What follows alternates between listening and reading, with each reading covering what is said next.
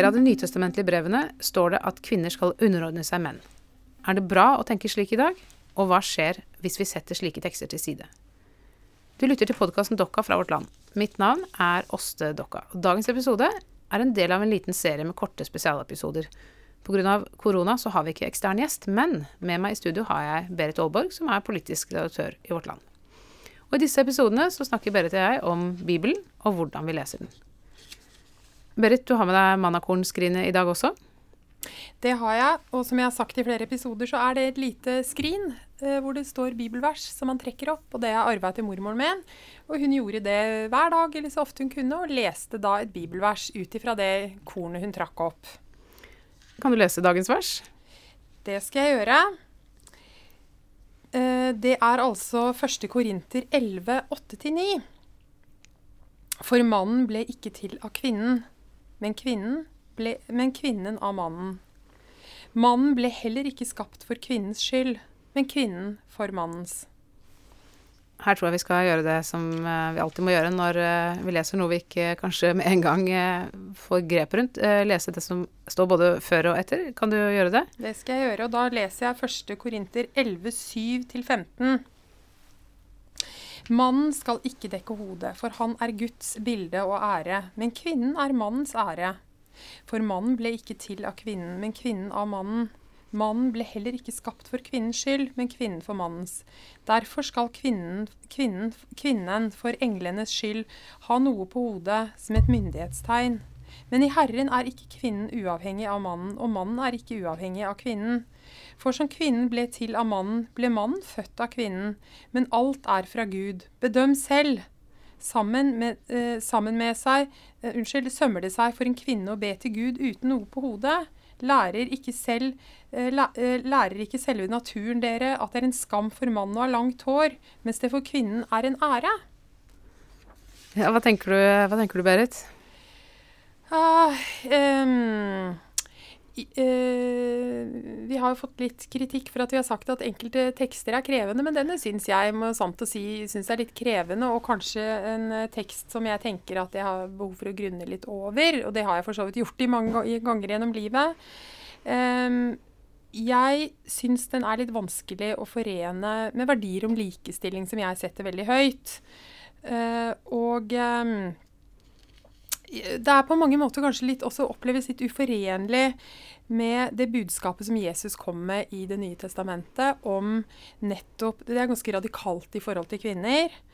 Uh, og uh, ja det, Jeg syns uh, Jeg syns at innimellom så så syns jeg at veldig ofte sjøl, i kristne sammenhenger, som ung særlig, da, så vil jeg si at den leder, første ledererfaringa jeg fikk, var i kristne sammenhenger. Jeg ble, ble, gitt veldig mye ansvar både til å holde andakter og organisere ting. Og, og, og da opplevde jeg jo at det var veldig, veldig god stor plass eh, for, eh, for, kvinner. Jeg hadde min oppvekst i Norske kirke, og det, det, er jeg veldig glad for. Jeg tror at veldig mange kristne sammenhenger faktisk har vært med å lære opp mange unge kvinner til å ta lederansvar. Um, så eh, ja. Jeg, eh, men, men, så vet jeg også at det fins eh, mange kristne miljøer. Da. Jeg har erfaring med det faktisk eh, litt i ulike sammenhenger selv. Der hvor kvinner, ikke, hvor kvinner opplever seg at ikke de får gjøre oppgaver. Og kanskje mye har det med å gjøre med sånn gamle tradisjoner, mer enn at det blir brukt bibeltekster på dette. At, at det blir liksom mennene som, som, får det viktigste ansvaret, som er på scenen, som, som får lov til å snakke. Og, som, og det, det, det, tror jeg har mye med tradisjon å gjøre, mer enn en bibelforståelse. I hvert fall i mange sammenhenger. Jeg tenker at det er en tydelig konflikt her eh, mellom en tekst som denne og eh, hva vi både innenfor og utenfor kirka i dag eh, ser som liksom gode eh, relasjoner mellom kvinner og menn.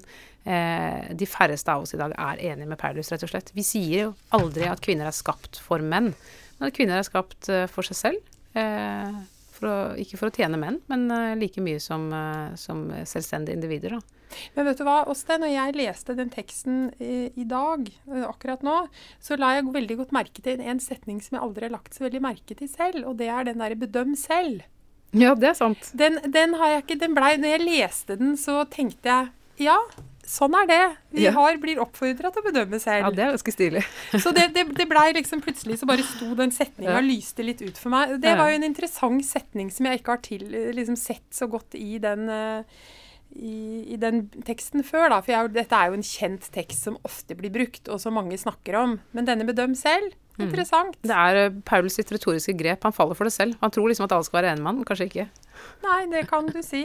Sømmer det seg for en mann å ha langt hår? Det er det jo veldig mange menn som har, både i og utafor kirka og mange andre steder. Kanskje Jesus selv. Ja, ikke sant?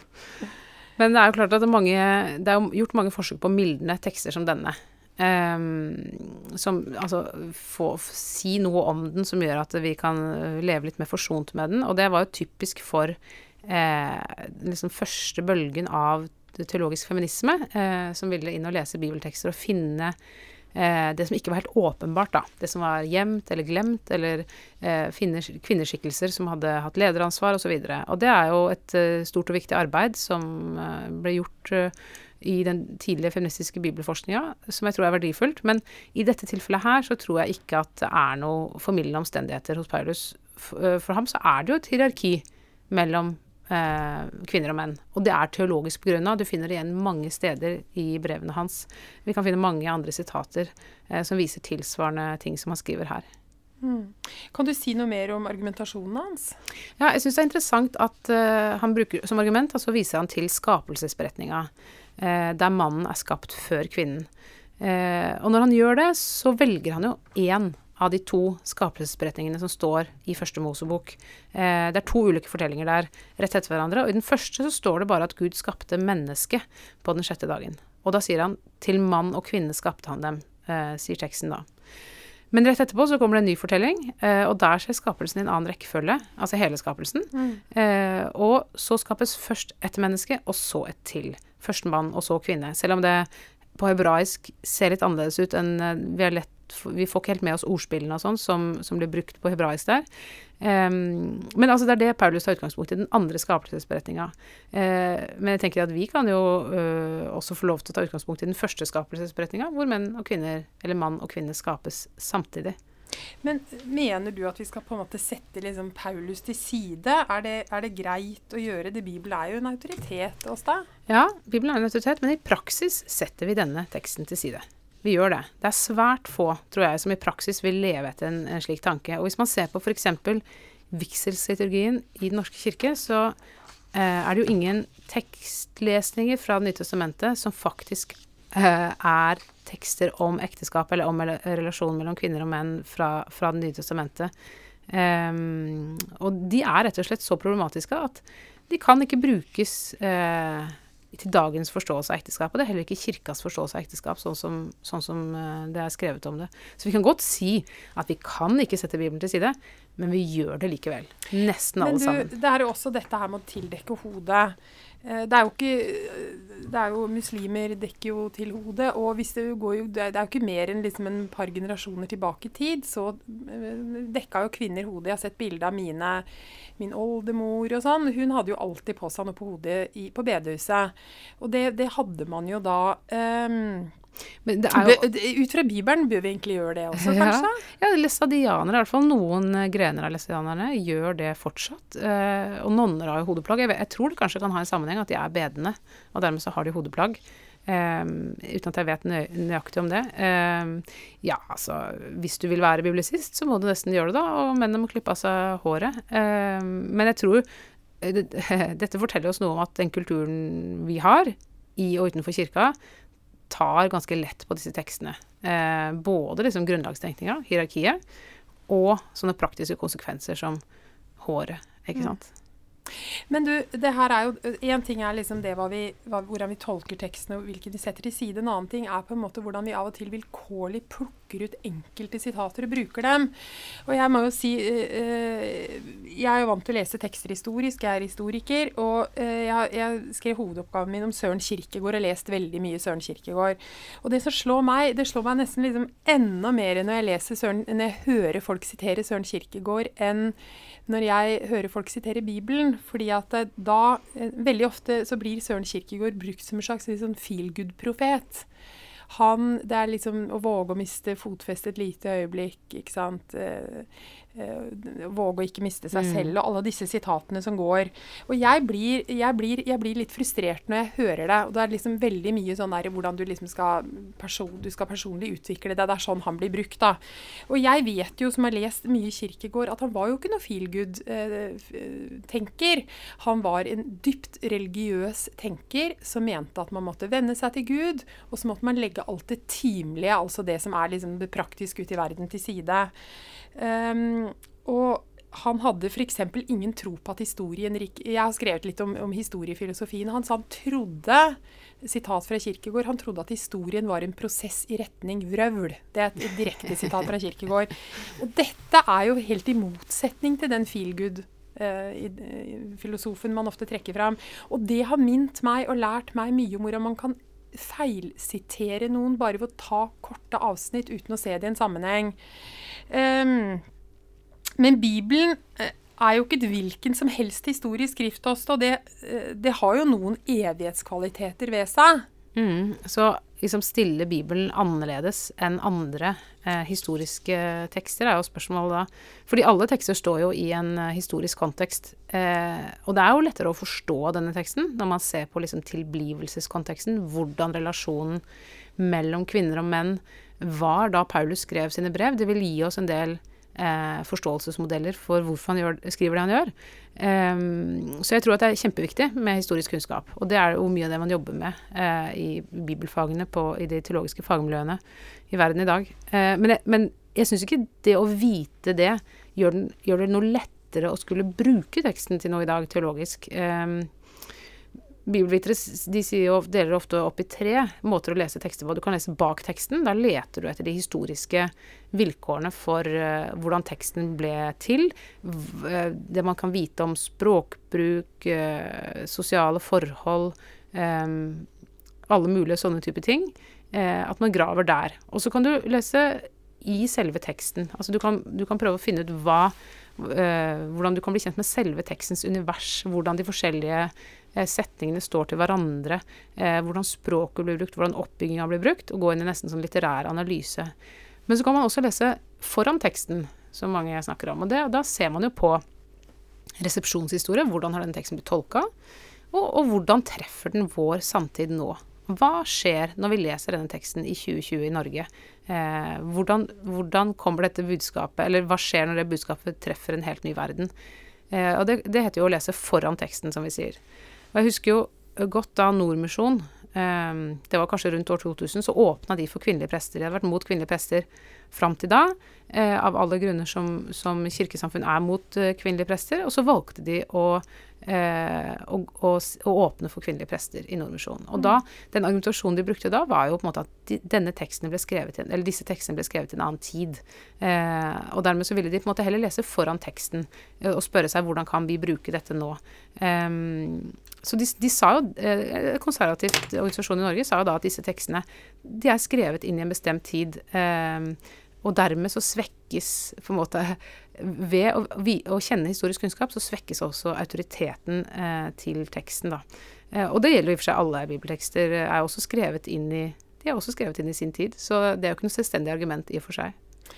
Men du, hvordan, hvordan skal vi da velge hvilken tekster vi ser på som normative, og hvilken vi ikke ser på som normative? Eh, bare et par, par, par kapittel etter eh, det vi leste nå, så, så står jo 'Kjærlighetens høysang'.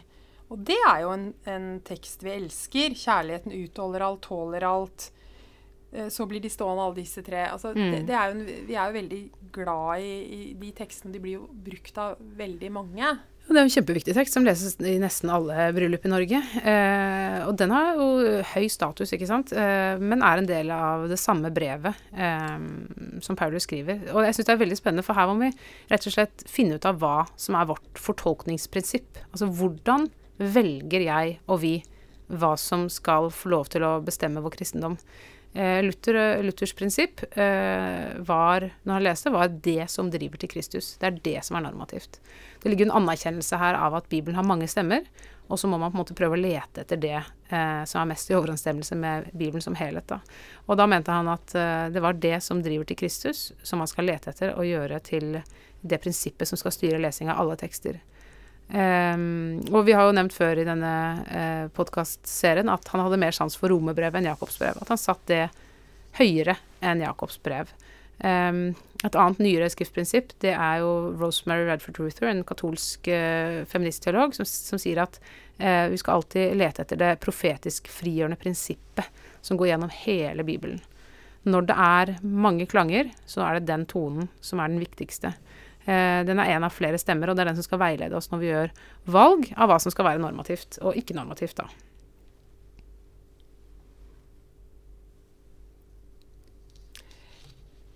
Um, ja Ja, så vi må spørre oss da, er det mulig å være kristen og feminist? Og jeg tenker jo absolutt at det er det, men vi må erkjenne at kristendommen er eh, patriarkalsk, og så må vi velge hva vi skal gjøre med det.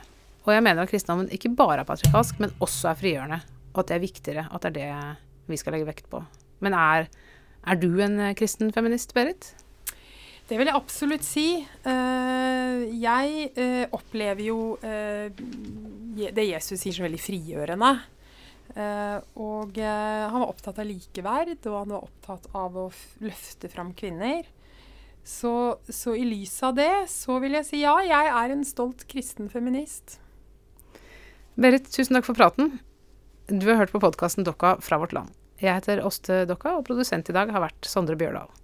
Hvis du liker å høre på denne podkasten, så kan du hjelpe oss. Vi blir nemlig veldig glad om du vil gi oss uh, mange stjerner på spilleren din, eller legger inn en liten kommentar.